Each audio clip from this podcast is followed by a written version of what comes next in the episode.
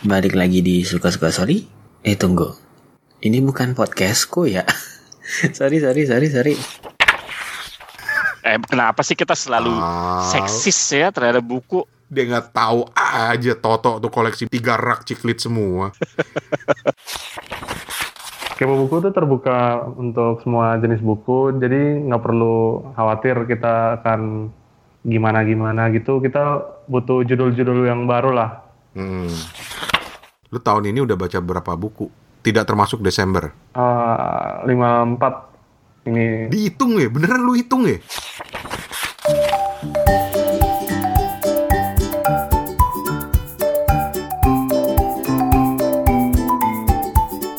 Hey, apa kabar? Assalamualaikum, ketemu lagi di Kepo Buku dan ini adalah episode kedua dari season finale 2019. Jadi di episode ini masih ada satu orang teman lagi yang akan membacakan review bukunya yang sudah dikirimkan sudah sejak beberapa waktu lalu. Terima kasih banyak. Eh, namanya Soli, nanti kita dengerin. Terus kita juga akan cerita pengalaman kita dengan buku-buku kita di tahun 2019. Kita juga akan cerita tentang episode apa yang paling laris dari Kepo Buku di tahun 2019 ini. Terus juga pilihan-pilihan buku dari kami bertiga yang eh, menurut kami paling keren lah di tahun 2019 ini. Ini subjektivitas setiap hostnya lah tentu saja. Oh ya, Kepo Buku adalah kami bertiga. Gua Rane Hafid di Bangkok, ada Steven Sitongan di Ambon, dan ada Her Toto Eko di Singapura. Kita mulai aja season finale bagian kedua untuk kali ini.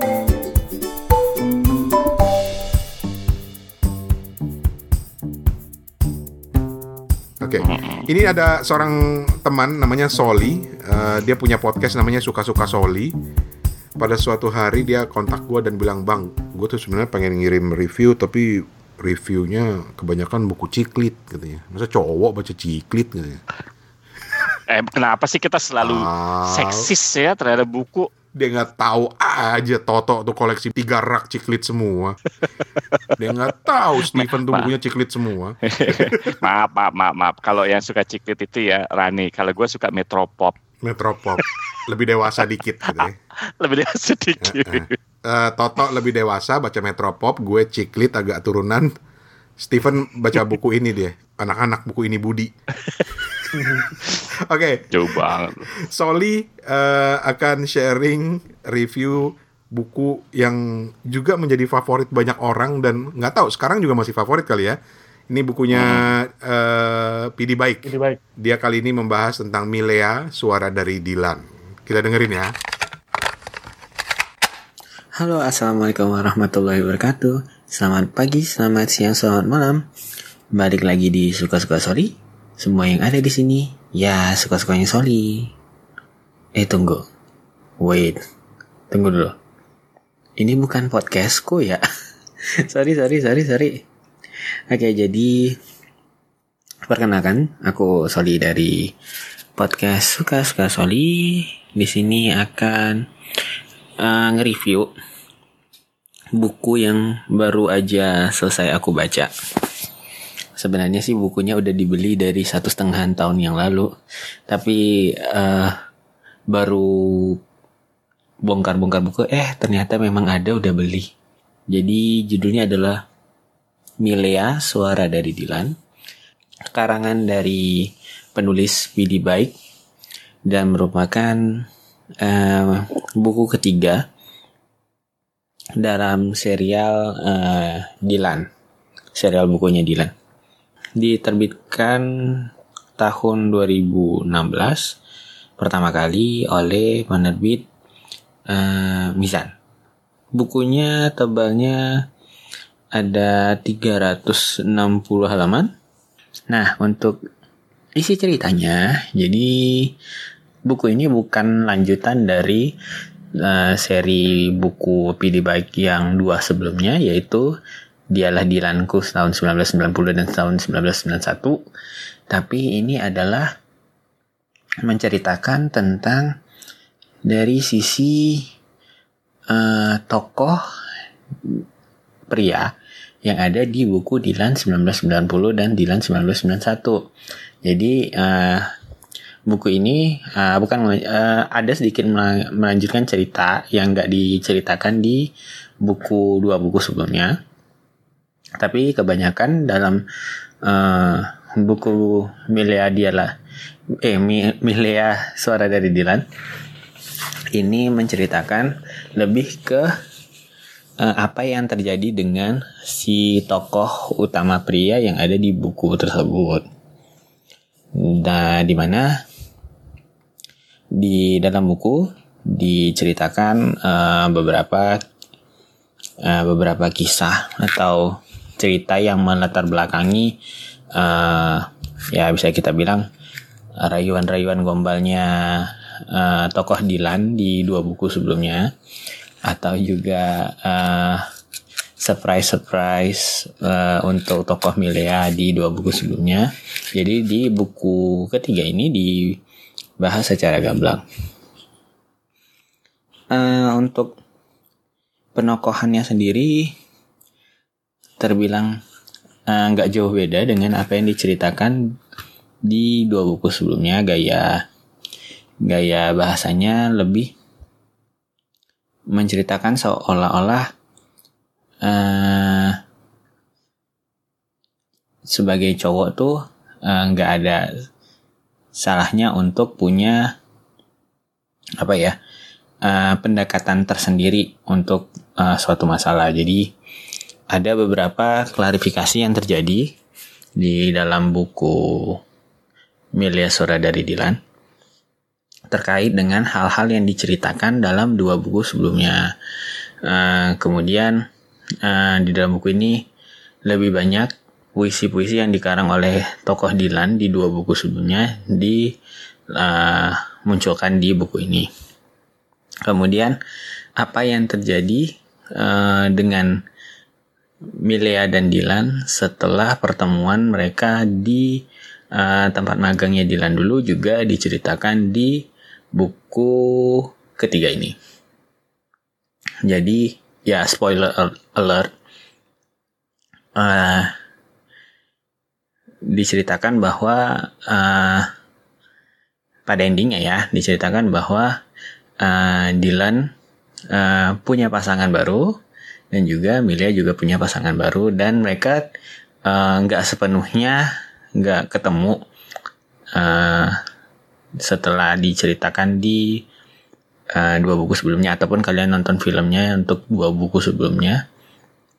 Jadi uh, Dylan dan Melia nggak sepenuhnya nggak nggak ketemu atau putus hubungan. Jadi ada beberapa kesempatan mereka sempat bertemu dan sempat uh, berbincang, tapi nggak terlalu banyak hingga akhirnya mereka uh, ketemu di satu event dan akhirnya mereka uh, kembali dengan kebiasaan nama mereka uh, telepon-teleponan dan membahas semua tentang apa yang terjadi dengan diri mereka.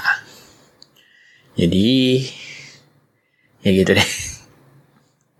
Kalau dari segi cerita ya untuk uh, nemanin di saat naik bus karena aku sendiri pribadi uh, namatin buku ini di bus. Jadi uh, mau pergi berangkat kerja baru sempat baca buku atau pulang kerja naik bus baca bukunya gitu oke deh uh, terima kasih untuk Om Rane terus Om Steven Om Toto yang udah ngasih kesempatan untuk uh, ditampilin whether ini tampilan apa enggak jadi aku ulas bukunya yang pertama ini dulu ya Om untuk ciklitnya nanti ya uh, karena masih ada yang harus aku baca ulang di buku ciklit yang aku baca. Uh, saya Soli dari Suka-Suka Soli pamit. Itu tadi Soli.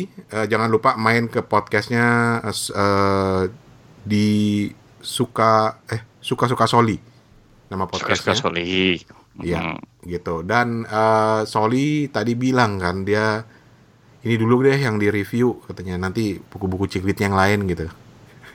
Emangnya buku-bukunya uh, kayak Dilan gitu termasuk ciklit? Enggak kan? Gue sekarang mau jadi kayak Toto deh. Masuk gak ya? Sebelum kita menjawab pertanyaan itu, mundur dulu. Ciklit itu apa?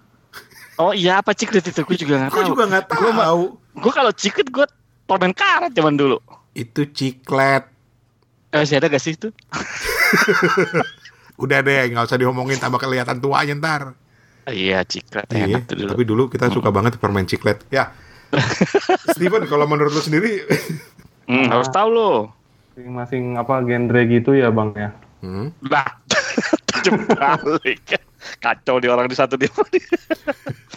iya dong. Menurut pemahaman lo, lo sebagai orang yang Hmm. berbisnis buku kan pastinya tahu dong. Ini lagi baca nih. Gue juga lagi baca di Wikipedia nih. Di Wikipedia ada nih. Jadi tuh kayak apa eh, jenjang-jenjang genre gitu ya, Mas Hmm. Toto ya. Ada teen lead, yang ngedal, Hmm. lead sama metropop yang tadi kita. Oh, gue tahu kenapa disebut chick lit. Hmm. Karena dia consist of heroine centered narrative. Makanya disebut chick lit, man. Chick lit. Chick literature. Ah, Oh. chick literature. Sastra anak ayam. Ush. Chick anak ayam. Sorry.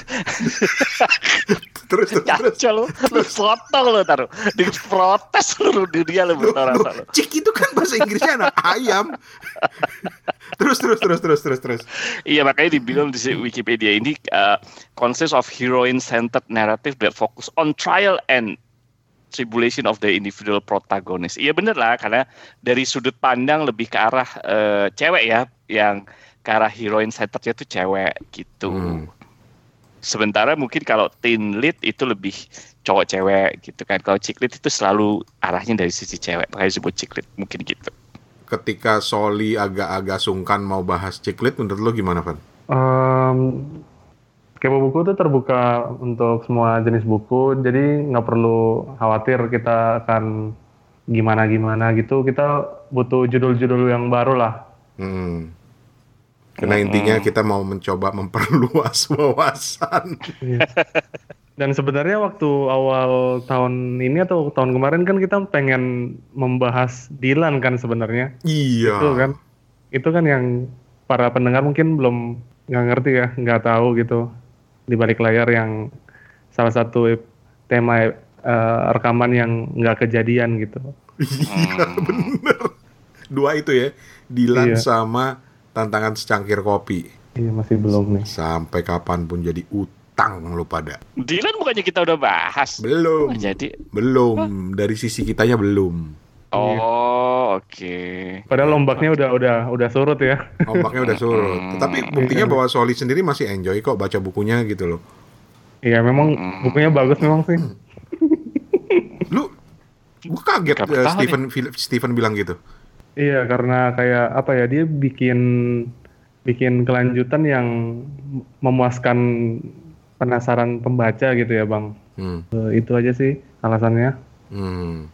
Cuma buat gue akhirnya gambaran Dilan itu ya udah yang ada di kepala gue adalah si Iqbal gitu loh. Padahal Oh, itulah buat gue sukanya buku kalau gue baca buku doang gitu adalah karena gue pengen gue sendiri yang ngebentuk bangga banget mukanya Dilan sama mukanya Milea tuh kayak apa sih di kepala gue gitu loh. Gue nggak mau diganggu dengan mukanya Iqbal gitu atau mukanya eh bukannya gue nggak suka Iqbal ya anak gue penggemar Cowboy Junior jangan, jangan salah ya tapi gambaran Dilan di kepala gue tuh beda gitu Hmm. jadi kalau gue nonton filmnya dan jujur gue belum nonton filmnya karena gue nggak mau dirusak sama Hmm. ini gitu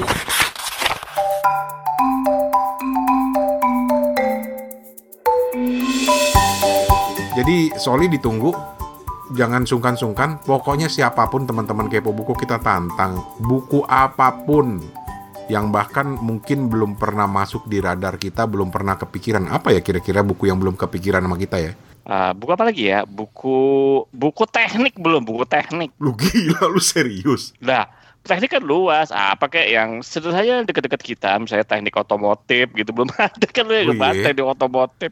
Iya. Iya lo. Robotik kalau zaman sekarang tuh mungkin buku teknologi lah ya, buku teknologi bukan Ah, teknik ya, betul, teknologi. Zaman sekarang kan suka siapa yang mau ngulas misalnya tentang uh, buku blockchain gitu. Wah, menarik buku tuh. tentang AI. Tuh, banyak banget kalau ke toko buku tentang artificial intelligence mau dibahas dari mana juga banyak banget tuh. Dan karena pengetahuan kita terbatas, Tentu makanya kita ngajak lu semua untuk sharing di sini. Betul. Siapa pun, tua, muda, Mm. cewek, cowok, bebas. Profesi apa pun. Profesi apa pun, bahkan lu punya anak yang suka baca buku, pengen review, kirim ke sini rekamannya, kita puter. Oh iya. Buku anak juga kita jarang ya. Siapa Kita belum coba? pernah sentuh ya. belum Iya, belum iya. pernah kita pernah kita pernah cerita tentang cerita favorit kita pada saat anak kecil dulu gitu kayak tapi kita membahas buku anak yang zaman kekinian kayaknya belum ada Nah, itu dia, belum pernah. nah tuh apalagi banyak sebenarnya buku ekonomi juga termasuk jarang ya Buku ekonomi, buku kesehatan Hmm. udah bahkan eh, langsung dari seorang praktisi kesehatan tuh Rauda yang cerita. Buku apa lagi? buku se- buku sejarah sering. Sejarah sering. kita tuh lebih lebih ke sosial sosial kita sering ya gitu ya. Hmm, hmm. sosial sosial masyarakat gitu sering. Tapi yang, kayak gitu gitu yang lebih buku kesehatan udah pernah. Buku apa lagi ya? Psikolog buku bah buku bahasa belum pernah. Tapi susah ya mungkin kalau buku bahasa ya. Iya. lebih agak susah ya karena lebih ke arah nanti pelajaran jadinya ya. Dan yang gue suka dari 2008 eh 2019 ini karena jadi lebih banyak ba- buku Indonesia juga sih. Oh iya. Kita kan banyak dikritik tuh. dikritik karena bukunya yang dibahas buku-buku bahasa asing buku mulu. buku bahasa asing mulu gitu Oke. ya betul juga sih betul betul, betul. Bagus. Ada kemajuan. Tapi Oke. tahun ini pada beli banyak buku dari tahun sebelumnya nggak? Mas Toto, Bang Rane mungkin Gue lebih banyak. Eh, Gue lebih banyak. lebih banyak justru, lebih banyak waktu untuk baca mungkin. eh, waktu untuk baca kurang lebih sama lah ya karena kesibukan gue tahun ini dan tahun lalu juga sama. Tetapi so sibuk so sibuk. Tapi gue lebih banyak beli buku loh. Kayak misalnya, Hmm. eh bahkan lagi di kepo buku nih, si Opat misalnya pernah ada episode dia cuma nyinggung sedikit tentang eh, bukunya Robert Galbraith gitu ya. Nggak panjang dia Mhm. nyinggungnya. Gue beli karena gue penasaran gitu. Apalagi yang dibahas panjang. Agatha Christie gue beli. oke oke Nah, Harry Potter gue Oke. beli walaupun minta maaf ya belum berhasil juga gue ternyata. susah ya susah Susah. aja ya susah buat gue susah dan banyak loh buku-buku eh, minggu ini aja gue udah beli tiga dan semuanya dari in- eh, Instagram Hmm. Oh, buku referensinya Steven buku referensinya siapa lagi? Pokoknya ada tiga yang gue beli dari Instagram. Hmm. kalau lu toh Kalau gue setahun belakangan ini gue ngerasa eh, budget gue atau eh, spending gue untuk buku justru lebih menurun. sebab? Sebab gue kebanyakan sekarang kalau di kantor ya itu gue suka masih su- jadi suka pinjem-pinjem buku gue di kantor sama-sama teman-teman kantor gue kayak gitu. Eh, terus gue lebih rajin ke perpustakaan juga sekarang. Em, tapi kalau dilihat dari jumlah buku, sepertinya gue sama gitu. Jadi em, gue gue kayaknya kalau dilihat dari jumlah buku lebih lebih mirip lah dengan tahun kemarin. Nah, gue nggak bisa bilang lebih gede banget. Kayaknya lebih lebih sama kalau jumlahnya gitu. hmm, Cuman kalau dari segi topik, gue sepertinya ada pergeseran. Di tahun ini gue lebih ke arah eh, tadi seperti gue bilang ya kesehatan sama lebih ke arah eh, psikologi apa lebih ke arah mental health gitu. Gue lebih tertarik tema itu sekarang. wow Tuh lebih ke arah itu. Sama satu lagi mungkin gue sekarang lebih eh, ada beberapa porsi gue lebih ke arah buku-buku agama gitu misalnya. wow alhamdulillah terima kasih Mungkin karena gue cepat tuh udah udah berasa tua kali ya. gitu. Cuman lucunya adalah ketika gue di awal-awal tahun kemarin itu gue eh, karena gue kebanyakan juga dengar podcast kayak gitu-gitu ya eh, tentang mental health, ada kasus orang bunuh diri segala macam. Dan somehow somehow tahun ini kayaknya lagi ngetren ya mental health ya. Dan gue Hmm, gak ngerencanain gitu karena gue udah mulai mulai membaca buku-buku kesehatan baik yang fisik maupun mental health tuh dari awal-awal tahun gitu. Gue udah tertarik sama gue tertarik aja gitu kok ada sesuatu yang pengen gue dalemin yang selama ini gue nggak dalemin gitu kan ya. Hmm, Eh, tapi ternyata pas belakang-belakangan terus tiba-tiba ada hari mental sedunia. Mungkin tahun-tahun dulu juga udah ada. Mungkin gue pretty much ignore. Tapi kok tahun ini juga eh, lumayan nge- ngetren gitu dalam arti eh, lumayan eh, topik itu banyak diangkat. Termasuk kantor gue sendiri sekarang juga ada kayak uh, ally buat Elis gitu ya buat mental health gitu jadi kayak pendampingan buat kesehatan para karyawan kayak gitu-gitu Hmm. jadi jadi ya eh kok kayak kebetulan banget gitu Wow, jadi secara topik gue bergeser uh-uh. ada pergeseran ya. Tapi gue tanpa sadar gue juga ada pergeseran sih. Kan Gimana tuh gimana tuh? Gue kan biasanya lebih suka buku-buku yang eh, fiksi Mm-mm. atau kalaupun non fiksi itu lebih kepada autobiografi misalnya. Tapi sekarang gue misalnya sudah mulai baca ya oh iya mungkin sama sama Toto lebih kepada psikologi misalnya. Salah satu buku yang paling gue suka di tahun ini yang gue enjoy banget bacanya itu justru judulnya ini dari Stephen nih, Man's Search for Meaning, Viktor E. Frankl. Hmm, oke Ah, Oke oke. Itu gue suka banget, suka banget beneran. Kalau lu Van? Kalau di tahun ini, meskipun aku mau mau menggali dikit ya tentang buku yang tadi itu, Hmm. buku yang aku baca di tahun ini tuh sempat ada baca buku tentang eh, pembalap F1, Hmm. terus juga banyak buku sejarah. Nggak ngerti kenapa bisa bisa beberapa buku sejarah tuh yang lagi lagi marak-maraknya nih aku aku baca nih karena mungkin penasaran gitu ya untuk tahu Indonesia waktu zaman setelah setelah merdeka tuh gimana. Nah yang terakhir nih aku lagi baca bukunya Pak Rosyan Anwar Sejarah Kecil edisi jilid 7 jadi bener-bener kayak sejarah terus gitu dari pertengahan tahun sampai sekarang gitu. Iya, gue perhatiin lu belakangan iya suka banget sejarah ya, terutama Indonesia, Van. Iya, karena ini karena tektokannya gitu. Jadi dari buku A tuh ada mention tentang buku ini gitu. Hmm. Ternyata buku yang bertemakan sama ataupun para pelaku atau saksi matanya tuh ternyata punya buku juga gitu yang wajib yang bagus untuk di, Dibaca. dilihat gitu ya dibaca. Mm-mm. Tahun lalu Steven nanya ini nih ke gue, sekarang gue balas lo, rasain lu, Van. Apa ya? Lu tahun ini udah baca berapa buku? Tidak termasuk Desember. Eh, 54 ini Dihitung ya, beneran lu hitung ya? iya di dia lagi dicek aja sih akun Goodreads-nya 54. Wow. Padahal targetnya 70. Padahal ya 70. Cuma ya nggak terlalu banyak lah.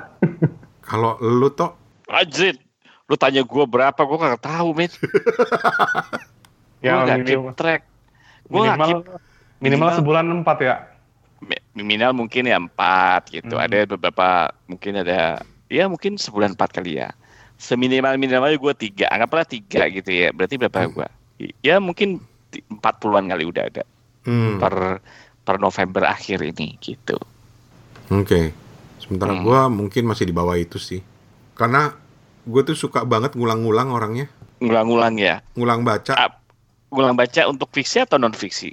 Eh fiksi non fiksi misalnya tahun ini eh yang gua ulang baca itu ada judulnya How I Became Stupid Martin Page. Ini novel keren banget. Keren deh, keren deh. Keren. tentang bagaimana orang eh apa namanya pinter banget itu orang tapi kemudian dia berpikir bahwa jawaban kebahagiaan di dunia ini adalah kalau gue jadi goblok.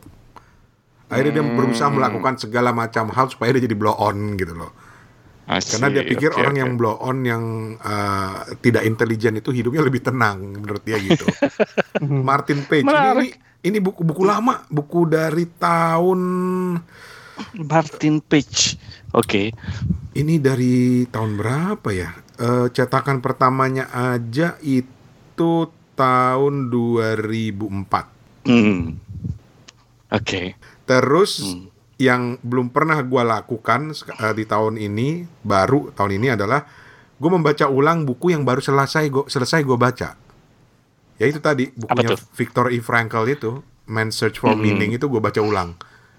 Jadi gue berturut-turut dan itu benar-benar nyita waktu sehingga buku-buku yang lain yang udah gua beli itu Nah. antri kayak misalnya gue lagi antri baca buku yang judulnya uh, Cow Pigs War and Witches The Riddles of Culture.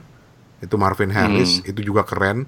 Menjelaskan tentang perbedaan-perbedaan budaya dan bagaimana kita kaya dengan perbedaan itu. Itu menarik banget. Di situ antara lain dibahas kenapa sih Muslim itu nggak makan babi? Kenapa orang India itu atau Hindu itu nggak suka eh, apa menghindari sapi atau menyucikan sapi hal kayak gitulah. Cuma belum kebaca aja sama gue. Hmm. Hmm, hmm. Tapi ya kalau gue pikir-pikir ya, mungkin ini mungkin bisa jadi topik berikutnya nanti. Hmm. Gue kadang-kadang mikir ya, lu suka nggak, uh, lu suka, lu suka ngulang-ngulang buku, terus Steven suka baca buku kemudian nyari buku uh, yang misalnya jadi akhirnya Yang nerusin yang tektok gitu ya. Hmm. Gue sendiri mungkin suka baca buku akhirnya yang temanya kira-kira sejenis karena gue juga pengen ekspor. Tapi satu hal ya, lu menurut lu perlu nggak sih kita sebagai pembaca gitu ya bikin cross referencing yang kita harus secara aktif catat. Gue kadang-kadang ngerasa gini, kalau gue orangnya kan nggak suka detail gitu ya. Hmm. Tapi somehow ketika gue lagi ngomong sama lu gini, misalnya kita bawa sesuatu, gue inget sih di buku ini pernah ada kayak begini, di buku ini pernah ada begini. Tapi kalau kalau gue ceritain detail ketika berapa ini kayaknya kayaknya gue juga lupa gitu. Mudah masuk gak? Kalau misalnya misalnya gue cerita tentang mental health kayak gitu kan. Misalnya terus ada survei di buku itu tentang misalnya oh di di dunia sini eh, derajat atau tingkat em, bunuh dirinya sekian. Misalnya gitu ya, misalnya kayak Hmm. gitu ya. Hmm. Nah kayak gitu kan sebenarnya fakta yang bagus gitu ya. Nah gue orangnya pelupa gitu. Sementara kalau di buku yang lain nanti ada lagi. Nah menurut lu perlu gak sih kita tuh bikin seakan-akan library sendiri di entah gua catat entah apa gitu yang menyambungkan itu semua karena kalau gue berasa banyak fakta yang akhirnya kita baca gitu terbuang begitu aja ya memang melekat satu dua di di, di pikiran kita but Hmm. just a high level gitu Wis. jadi akhirnya kita high level doang kan lu merasa bahwa ya uh, orang tuh ada yang begini-begini misalnya kita ngomong mental health atau lu suka Hmm. baca buku makanan oh di uh, tapi tapi ketika dihubungkan semua buku yang lu baca gitu jadinya jadinya nggak nggak tersambung gitu. Mudah nggak sih maksud gue? Uh, kan- seakan-akan lu menurut gue kalau menjadi tersambung dengan sempurna perlu nggak sih kita bikin studi ke, kepustakaan sehingga seakan-akan itu jadi Ngerti, bab satunya skripsi Ngerti. gitu atau bab duanya skripsi gitu kan? Karena kalau menurut gua kita banyak buku, banyak buku tapi terbuang percuma begitu aja just for pleasure akhirnya which is not which is oke-oke aja. Hmm. Tapi kalau menurut mau someday kita akan bikin uh, cross referencing yang mungkin kita perluin juga sih kalau menurut gue. Tapi itu itu itu dalam pikiran gua gua udah 10 tahun yang lalu tapi sampai sekarang pun gue malas untuk menutup. gue gue bisa kurang lebih gue bisa nangkep lah eh, maksudnya Toto jadi Hmm. bahwa buku satu tuh nggak cukup gitu kan harus lu cross reference dengan buku lain untuk menambah pemahaman lu kan untuk lebih memperluas pemahaman lu kan Eh, bu- sebenarnya bukan hanya untuk lu jadi cross reference sih, tapi minimal oke lah apa pun buku yang lu lu udah baca, minimal lu punya ringkasannya sedikit sehingga ketika the next book bukan berarti lu next book lu harus sama, tapi ketika lu ambil buku eh Oh. uh, mudah oh kayaknya gue pernah baca buku oh iya ya kok faktanya jadi ber jadi lu bisa punya fakta yang lebih utuh. Bukan berarti lu akhirnya baca buku akhirnya cari lagi supaya mendalam enggak oh, sih. paham paham Eh, paham jadi sekian banyak buku misalnya gini ya, lu lu baca buku Agatha Christie gitu ya. Hmm, lu baca buku Agatha Christie gitu. Anggaplah itu just a novel gitu. Cuman lu baca buku lagi tentang Harry Potter. Mungkin dua-duanya misteri tapi gimana ya menyambungkan itu jadi satu sehingga ketika lu ditanya lagi lu tuh punya seakan-akan library lu sendiri bahwa oh Agatha Oke. Christie begini begini gini. Dan itu hanya bisa dilakukan ketika lu catat kan. Ketika Hmm. lu masukkan ke dalam sebuah diary atau apa gitu. Dan itu yang kadang-kadang gua nggak lakukan. Eh bukan kadang-kadang memang tidak gua lakukan gitu. Kalau gue lebih merelakan. Merelakan untuk hilang begitu ya? Mer- merelakan untuk hilang karena buat gua buku yang bagus itu nggak akan pernah hilang dari otak gue dan sesekali Ah. kemudian dipicu di, di di trigger gitu itu akan balik semua jadi kalau gue baca Oh, buku yang ternyata eh ini kayaknya sama deh dengan buku yang pernah gue baca nih ceritanya itu akan Mm-mm. balik lagi dan itu jadi lebih lebih lebih dipermudah karena sekarang semuanya udah online Oke oke. gitu Mudah mudah mudah mudah. bahkan nyari buku lama pun gua akan cerita ya. nanti lah ya di penghujung Mm-mm, bahwa mm-mm, mm-mm. dari ada empat buku favorit gue yang akhirnya gua lepas buat uh, sebuah acara uh, dari teman-teman di Podluck Mm-mm, Uh, mm-mm. itu buku favorit gue semuanya gitu loh dan gue rela karena gue jorok orangnya nggak bisa ngerawat Mm. buku dan gue yakin bahwa itu berkesan dan udah nempel di kepala gue gitu Oke oke. Oke, oke. kalau lu sendiri Van gimana Van? Eh, yang dibilang Mas Toto tuh kayak ide yang brilian banget ya, tapi paling sederhananya yang aku lakuin ya itu bikin sticky notes di di satu dua uh, key idenya gitu. Hmm. Hmm. Paling paling banter cuma itu aja, iya. Tapi ketika yang Bang Rani bilang ada item atau trivia-trivia yang nyangkut banget di pikiran ketika kita baca sebuah buku tuh ya aku juga ada beberapa gitu beberapa trivia yang mungkin bisa bisa di recall dengan mudah gitu di recall dengan dengan cepat gitu Hmm. Iya. Oke oke. Gue sih gue sih yakin banget sih eh, walaupun gue orangnya pelupa tetapi otak kita tuh bisa menampung informasi yang banyak Banyak ya. dan Oke. salah satu manfaat buku itu adalah mempa- memperkaya otak kita pemahaman kita bukan hanya lebih sekedar pada ini kutipan siapa ini tahun berapa yang kayak gitu tapi lebih kepada apa ya istilahnya ya ya lu lebih kaya aja hasanahnya pemahaman lu Hmm. Hmm, hmm, hmm.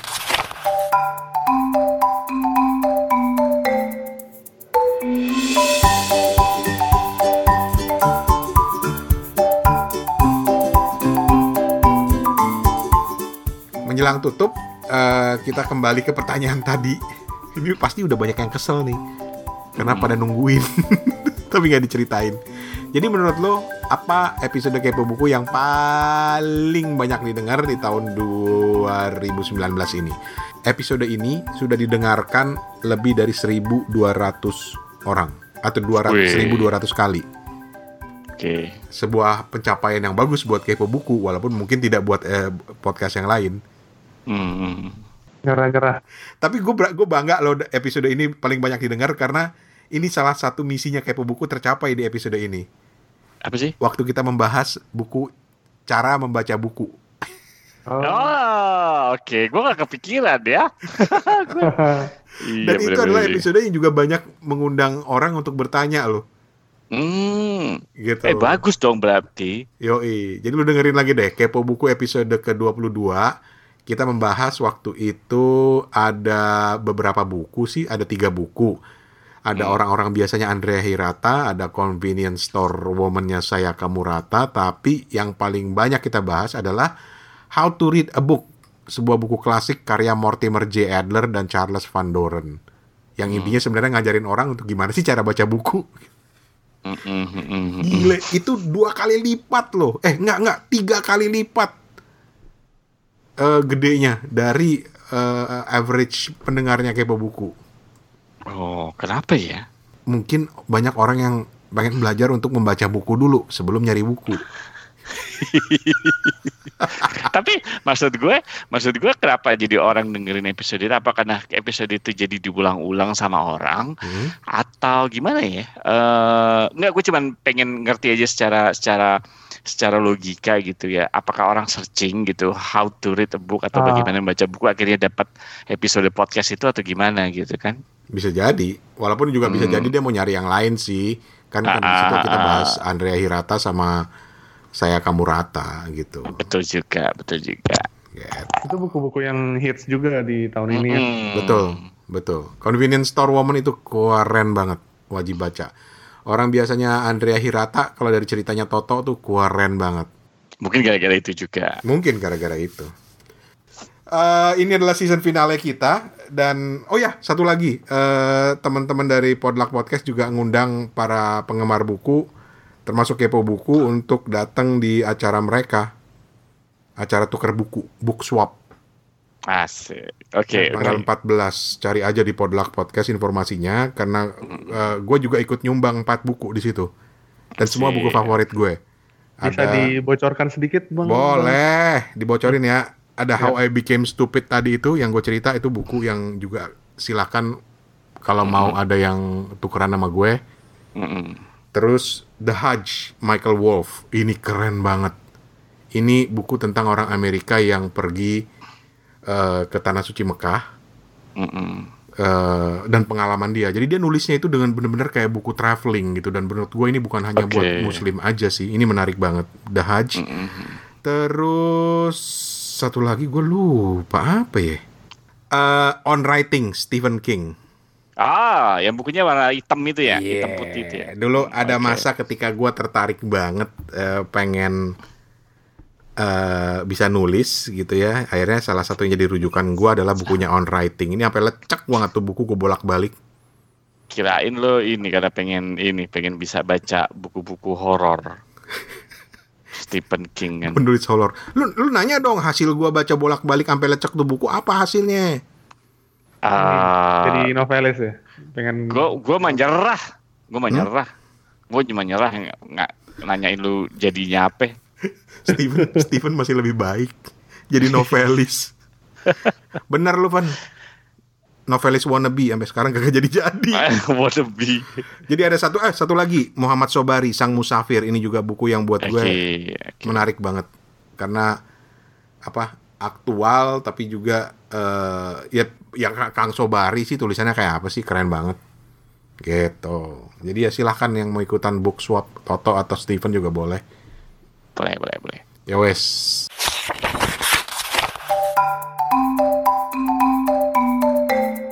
Jadi sebelum pamit kita masing-masing akan memilih, wow siapa kita? Oh kita penting.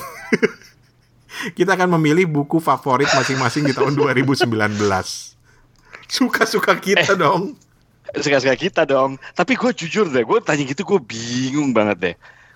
Bingung Hmm. banget. Tapi oke lah, oke lah. Satu Iya, buku yang mungkin gini gini gini. Mungkin gue nggak mengatakan buku ini. Gue dulu ya, gue dulu ya. Hmm. Gue nggak mengatakan bahwa buku ini adalah buku yang paling oke. Maksudnya bukan buku yang gara-gara gue pilih buku ini, disclaimer dulu ya. Buku ini melebihi dari buku-buku yang enggak. Tapi karena just because, Jaelah apa sih? Apa sih? Anak selatan banget. Cuman karena buku ini seperti eh, Rane tadi eh, baca tentang Stephen eh, Stephen King ya, Hmm. yang on writing itu. Karena buku ini tahun ini gue bolak-balik. eh, gue jarang termasuk jarang membaca buku ulang buku gitu ya. Oke. Dan bu- buku ini tahun ini lumayan agak sering gue bolak-balik baca gitu. Apa itu? Uh, temanya tentang mental health. Jadi bukunya uh, Johan Harry, The Lost Connection. Lost Connection, Why You Are Depressed and How You How to Find Hope kalau nggak salah gitu. Oh, Wih. Gitu. Itu buku yang sering gue bolak-balik. Tapi udah gue ulas belum ya di Belum. Buku kayaknya Makanya gue belum belum ya. Oke, Ah. tapi kan nggak eh, apa?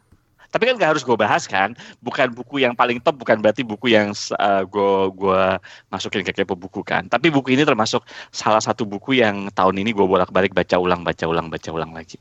Bukunya Johan Harry, gitu, Lost Connection.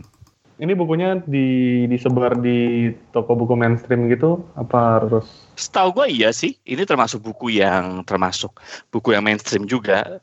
Eh, kalau nggak salah bestseller juga deh. seller ya? Oke. Mm-mm. Ini lagi-lagi menunjukkan betapa beragamnya selera buku kita dan mungkin buat orang ini nggak penting tapi buat Toto ini berkesan banget. Berkesan banget karena Hmm. kebetulan ada ada pengaruh eh, pengalaman pribadi juga ada teman yang wah ini panjang nih tadi kita bahas lah eh, di episode khusus kalau mau Asik. gitu Janji ya, janji ya. gitu oke oke oke oke siap Alright. Sip sip sip. Hmm. Kalau Steven? Eh, aku bukunya Andreas ya bukunya Andreas Harsono oke Race Islam and Power buku ini betul-betul eh, narasi yang memukau mengisahkan perjalanan beliau untuk ketemu dari ujung barat ke ujung timur melihat Indonesia kontemporer tuh seperti bagaimana apa saja faktor-faktor em, konflik yang membuat wilayah tersebut itu eh, menjadi daerah konflik gitu ya Hmm, dan hmm, hmm. dan ini wajib dibaca untuk orang-orang yang pengen tahu gimana sih Indonesia eh, dari zaman kemarin gitu sehingga sekarang menjadi daerah yang bukan daerah maksudnya jadi zona yang agak-agak ribet ya kalau kita tiba-tiba ngomongin tentang agama tentang Hmm. suku tentang ras apalagi ketika hmm. dibahas eh, saya bukan berdarah Indonesia sampai jadi geger kan dunia dunia maya gitu. Hmm. Oke. Ini kalau nggak salah waktu itu yang lu tanyain juga ke Mas Andreas ya waktu di Ubud ya. Iya, iya. Hmm. Dan dan memang ketika kita baca buku ini yang beliau sampaikan ketika aku tanya apa yang paling berkesan selama riset riset dia keliling Indonesia kan Bang sebagai seorang jurnalis, sebagai seorang uh, fasilitator untuk jurnalis juga dia bilang adalah kekerasan um, untuk anak-anak dan wanita gitu. Jadi selain untuk kalang untuk orang-orang yang rentan banget nih juga timbul trauma gitu Bang Rane Mas Toto yang mungkin Hmm. satu dua generasi itu mungkin nggak nggak nggak cukup untuk menghilangkan beban trauma tersebut dan dan wajib dibaca untuk kita semua gitu. Keren. Steven tuh konsisten gitu loh selera bukunya. Satu satu quotable yang aku kasih ini Hmm. yang mungkin juga masih masih banget untuk kita sadari gitu dia bilang gini rumor tuh selalu selalu akan jadi punya peranan penting di dalam masyarakat gitu ketika Hmm. ketika jurnalisme punya kualitas yang buruk itu yang yang mungkin uh, mengingatkan kita mengingatkan juga uh, stakeholder untuk ya itu kalau misalnya Indonesia ke depan mau jadi seperti apa ya salah satunya yang mungkin harus diperbaiki adalah kualitas jurnalismenya gitu Wartawan tuh dengerin tuh ya Ingat semua tuh. semua lah Ah, semuanya. Oke. yep. Itu buku Book of the Year-nya Steven. Kalau Book of the Year versi gue, ini menarik karena bukunya nggak tebel, tetapi membaca buku ini gue serasa membaca seribu buku. Oh? lebay, emang lebay. Buat gue, kalau gue harus memilih eh, dari sekian banyak buku yang gue baca tahun ini, gue akan eh, pilih surat kopinya Joko Pinurbo. Asik. Oke. Karena buat gue tuh gila lu baca itu kan puisi dia pendek-pendek kan di surat kopi tuh. Ah, Tapi ketika lu baca, lu seolah-olah membaca begitu selesai lu baca, lu pahami di kepala itu seolah-olah banyak sekali pemahaman. Makanya gue bilang kayak gue baca seribu buku gitu loh. Hmm, oke oke Dan oke. dan puisi itu eh, karena gue 2019 ini bisa dibilang minim lah gue bermain dengan eh, seni, dengan Kata. sastra, dengan kata. Gue biasanya masih ada aja gue nulis puisi, gue masih nyempetin nulis cerpen, tapi 2019 kering, asli kering. Oh iya? Dua cerpen yang gue hasilkan itu karena tantangan pembaca menulisnya Podluck Podcast. Biasanya di catatan harian gue tuh ada aja puisi, satu kata, dua kata. Asik. Gitu. Di sharing dong. Wih, gila loh. Udah terbit Oh udah terbit. Kok gue nggak tahu? di otak gue. Enggak lah. otak lu. Gila loh. Buat gue sekedar untuk memuaskan pribadi aja. Tapi ya itu. Kembali ke tadi. Buat gue surat kopi Joko Pinurbo paling layak untuk jadi book of the year buat buat buat gue gitu. Hmm, oke oke. Salah satu peng- eh, puisi Joko Pinurbo yang gue suka itu yang langsung bikin banyak hal di kepala gue itu adalah ketika dia bilang gini. Hmm. Aku tahu mengapa kau suka minum kopi susu. Kopi membuat matamu menyala, susu membuat matamu manja. Mikir apa lu toh? Mikir apa lu toh? Mikir kopi susu gua.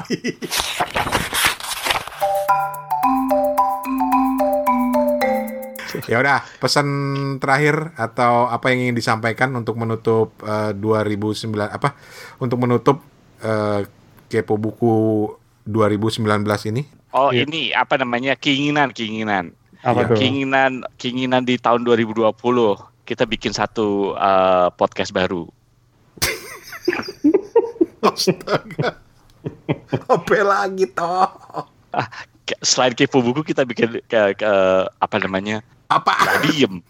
Oh, dia kan lu nungguin gue. Nungguin. Lu nungguin gue. Hmm. Kita buku kita bikin eh, podcast eh, karena kita orangnya suka kepo kan ya. Hmm, Kita hmm. tetap dengan kata kepo. Hmm. Tapi jadinya kepo lambe. Kepo Talks. kepo talks. Ya Allah. Eh, kepo buku aja ngumpulinnya susah. eh, kepo buku itu ya buat temen-temen nih kita nggak tahu di belakang itu tuh kalau mau mempersiapkan kepo buku itu Hmm. itu rapat redaksinya lama loh. Wih, lama. Kadang-kadang tidak mencapai kata sepakat, akhirnya nggak rekaman. Oh, oh. Kita coba ya orang, orang kalau suka apa namanya suka nyangka bahwa kita rekaman itu sekedar rekaman. Enggak loh rapat Oh, redaksinya iya. tuh lama loh. Kadang-kadang nggak nggak mencapai titik quorum apa yang kita bahas. Cuman akhirnya eh, kapan bisa rekaman? Dah akhirnya kita rekaman deh. Gitu. Ah. jadi serius. Makanya nih eh, nggak nggak. Tapi di tahun 2020 kayaknya eh, apa ya semoga tema-temanya ini ya lebih beragam lagi gitu Hmm. ya Eh, eh, kiriman-kirimannya lebih banyak kita sendiri lebih lebih sering gue sendiri di tahun 2018 kemarin ber 19. Sebentar lu Oh. kalau gue bener nih Oh, kalau bener. 2018 yang waktu itu gue bilang gue supaya nggak sering-sering absen 2019 Hmm. ternyata gue masih sering absen juga Tapi alhamdulillah toh berarti kan bisnis jadi ba masih bagus. Alhamdulillah gitu gue sering traveling gitu ya. Hmm. Di tahun 2020 semoga dengan kesibukan kita masing-masing kita masih bisa rekaman. Paling tidak di 2019 walaupun lu sering sibuk dan traveling, tapi masih Hmm. sempat rekaman kan dari tempat traveling lu kan? Benar, benar. Dari Gitu. KL. Dari KL atau dari mana pun itu. Semoga di tahun 2020 kita episode nambah juga gitu kan ya. Ya, eh. Gitu. Gitu. Kalau Steven harapannya klise banget sih nanya harapan. Eh, Kata kenangan deh, Fen, Fen, Fen. Jangan harapan deh, kata kenangan. Kata kenangan. Ya terima kasih untuk para pendengar Kepo Buku di mana pun kalian berada Oh, ah, gitu. Nah, TVRI banget sih lu, Fen. oh gitu. Kalau gue mungkin sama sama yang lain, tapi kita pengen banget 2020 itu lebih banyak melibatkan teman-teman yang lain. Baik Yep. itu kita telepon langsung untuk kita ajak ngobrol, atau kita tunggu review-reviewnya. Ya ini open call untuk kalian semua. Betul, ini open call banget karena kadang-kadang ada yang wah grogi kalau ngobrol direkam gitu ya. Ya nggak apa-apa, kirim ke kita lewat eh, voice note di WhatsApp atau di rekam di handphone gitu ya, terus kirim ke kita di suarane@gmail.com Hmm. atau ke WhatsApp 087878505012. Jadi bikin jadi karena kepo buku ini pengennya sih lebih banyak referensi buku yang lebih beragam itu aja. Betul. Kalau gua kalau gua satu lagi mungkin dari Hmm. segi tamu, gue cuman ini ya bahwa kepo buku tuh seharusnya bukan seharusnya ya sebetulnya bukan cuman review buku, tapi kita dunia buku dan literasi. Jadi kalau buat teman-teman yang ngerasa kayak kemarin tuh ada baca buku bareng gitu ya, Hmm. baca bareng gitu ya. Terus mungkin ada teman-teman yang bergerak dalam bidang literasi gitu. Eh, literasi misalnya ada punya taman bacaan atau apa. Mm-mm. Let's go gitu Manfaatin. manfaatin kita gitu. Dan karena semua ya balik-balik supaya Indonesia ini lebih gemar membaca pada dasarnya gitu ya. Jadi kalau ada teman-teman yang punya podcast teman-teman yang mungkin nggak punya podcast tapi dengerin kita tapi punya gerakan membaca apa punya taman baca di mana is okay gitu ya. Kita bahas Hmm. juga di sini nggak apa-apa. Karena pada dasarnya kita suka buku. Dan semoga kalau teman-teman di sini ngobrol gitu ya eh, dan kita akhirnya bisa meningkatkan apa namanya pembaca di Indonesia gitu. Betul. Ah, gitu. Dunia literasi Indonesia menjadi lebih lebih baik lagi gitu loh. Dan ya itu salah satu tujuannya kita menyebutnya kepo gitu loh. Karena kita mau Mm-mm. kita ngobrolin buku Apa? aja. asik-asik aja lah. Apa aja dan santai Hmm. aja gitu. Pokoknya ngobrolin buku. Betul. Dan pokoknya kita tunggu ya rekaman-rekaman review bukunya ada yang tanya gue tuh sebenarnya pengen bikin podcast buku kayak lo sama bang Toto sama bang Steven katanya. Tapi Hmm. gimana caranya gue kasih tahu caranya satunya. Lu kirim WhatsApp ke kita latihan. Ya gak sih? Lu kan mau bikin Iya, mau, latihan. mau bikin podcast buku latihan dulu di kepo buku. Jadi lu kirim deh voice note lu cerita tentang buku lo kirim ke kita nanti kita on airin udah jadi podcast juga kan? Udah jadi podcast juga. Nanti kalau udah punya podcast ah, udah punya podcast ya sebutin podcastnya apa. Gitu kan? Iya, gitu. Simple. lambe buku gitu. Lambe buku kita. Sebelum kita jadi kepo lambe ya. Yo, buruan kirim. Kepo lambe. Apa pula itu? Lambe talk Jadi ya begitulah kita ketemu lagi di 2020 mudah-mudahan eh, lebih menyenangkan lagi tahun 2020 As- ya enggak asik gue bisa cuti cuti Lu cuti, cuti gua dari banyak, kepo buku. gua banyak kerjaan. Kita bisa cuti dari kepo buku. Eh, ya maksudnya kita tetap kerja di dunia nyata. Di dunia dunia nyata. maya kita cuti. di, cu- di dunia nyata cuti dulu sebulan. Ya nggak, Van? Iya, iya. Oke, ya wes. Oke. Jadi atas eh bukan atas nama karena orangnya ada di sini. Beko. Ini acara bener-bener ini episode paling ngaco nih ngomongnya nih. Iya nih, kan jadi 4 jam tuh. Iya 4 jam. Ya wes. Eh lu yang tutup deh tok. Ya Gue gue belibet elah. melulu nih gue hari ini nih. Ya udah, karena ini episode terakhir, eh, apa ya nutupnya gimana? Lu, lu aja deh kan nutup kan. Baiklah. Jadi gini. Eh, kita terima kasih dan karena ini adalah season finale, lu aja Van yang tutup Van. Em, Oper kuku gua hajar lu. Terima kasih banyak bagi kalian semua yang udah dengerin Kepo Buku. Eh. Sampai jumpa di season berikutnya. Dadah. Terima kasih. Assalamualaikum. Terima kasih. Bye-bye. Assalamualaikum. Bye-bye.